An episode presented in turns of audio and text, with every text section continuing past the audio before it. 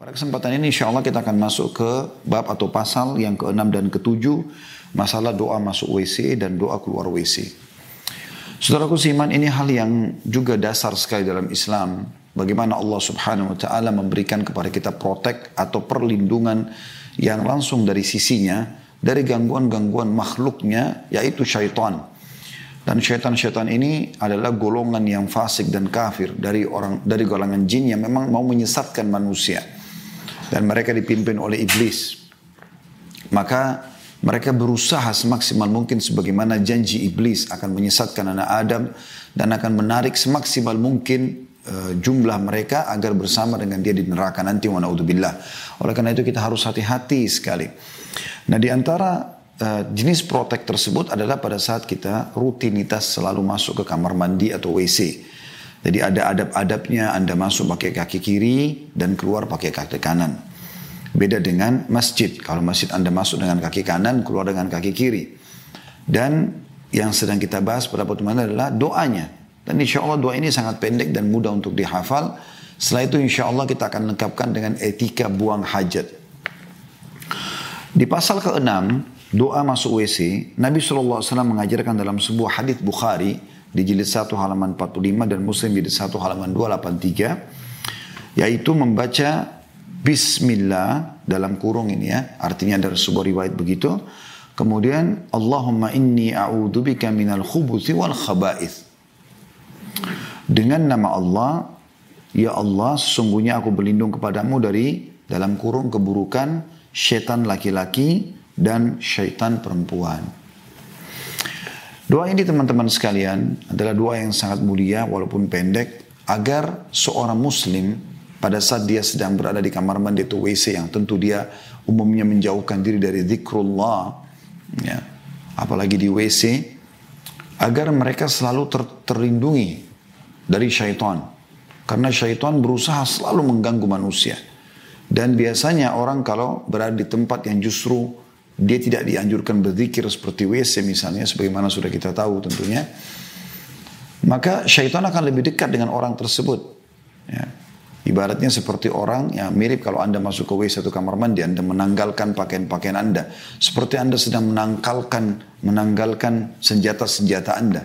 Karena kalau Anda sedang tidak di WC, Anda sedang di meja makan, Anda bisa berzikir, Anda sedang di teras rumah, di atas ranjang, Anda sedang uh, di atap rumah, Anda sedang di mobil, di jalan, di halaman. Semua Anda punya protek, Anda punya senjata dengan zikrullah. Kalau Anda terganggu, Anda baca isti'adah syaitan rajim.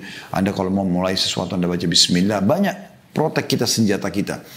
Tetapi, kalau di dalam WC, kita nggak bisa berzikir. Oleh karena itu, Sebelum masuk, kita dianjurkan untuk ya, membaca doa ini agar kita betul-betul diselamatkan dan dilindungi oleh Sang Pencipta Allah Subhanahu wa taala. Dari doa ini teman-teman kita ambil uh, dua pelajaran penting. Yang pertama adalah bagaimana Allah Subhanahu wa taala menyiapkan perangkat perlindungan buat kita dari syaitan yang terkutuk yang akan menggoda manusia dan umumnya di WC itu orang tergoda untuk melakukan dosa atau membuang waktu gitu kan.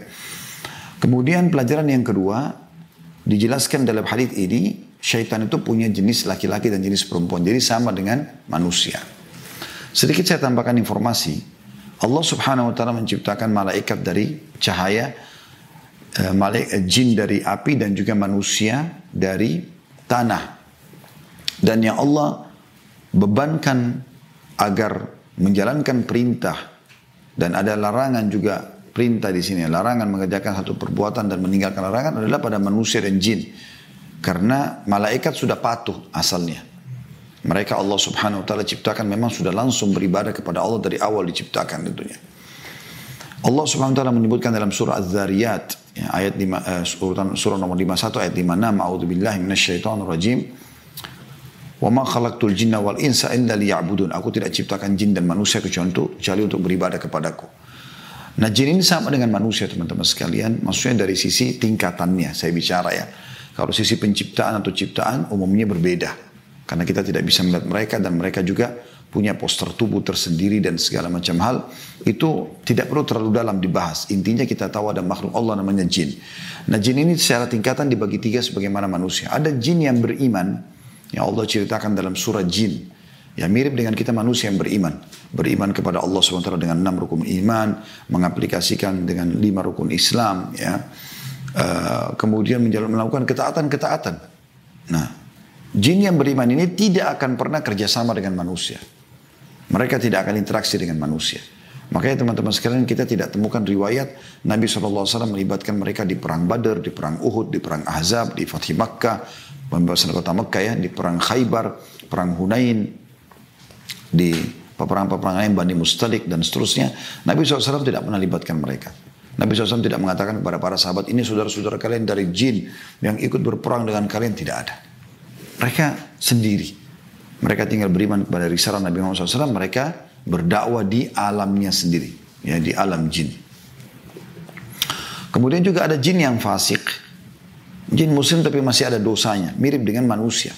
Ada yang fasik, muslim tapi banyak melakukan kemaksiatan bahkan meninggalkan atau melalaikan kewajiban-kewajiban. Dan ada jin yang kafir.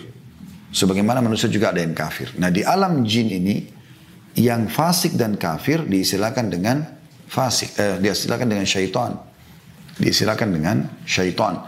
Jadi semua syaitan pasti jin, tidak semua jin itu syaitan. Ya. Di sini diistilahkan secara khusus oleh Nabi SAW kalau mau masuk kamar mandi dengan kaki kiri nanti kita sebutkan adabnya insya Allah. Dikatakan ya Allah aku berlindung kepadamu dari syaitan laki-laki dan syaitan perempuan. Seperti apa wujud mereka Allah alam kita tidak tahu.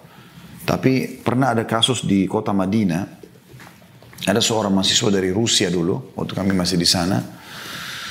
Dia subhanallah pernah kesurupan, kemasukan jin. Dari kalangan syaitan tentunya. Kemudian dirukyah oleh seorang syekh di Madinah.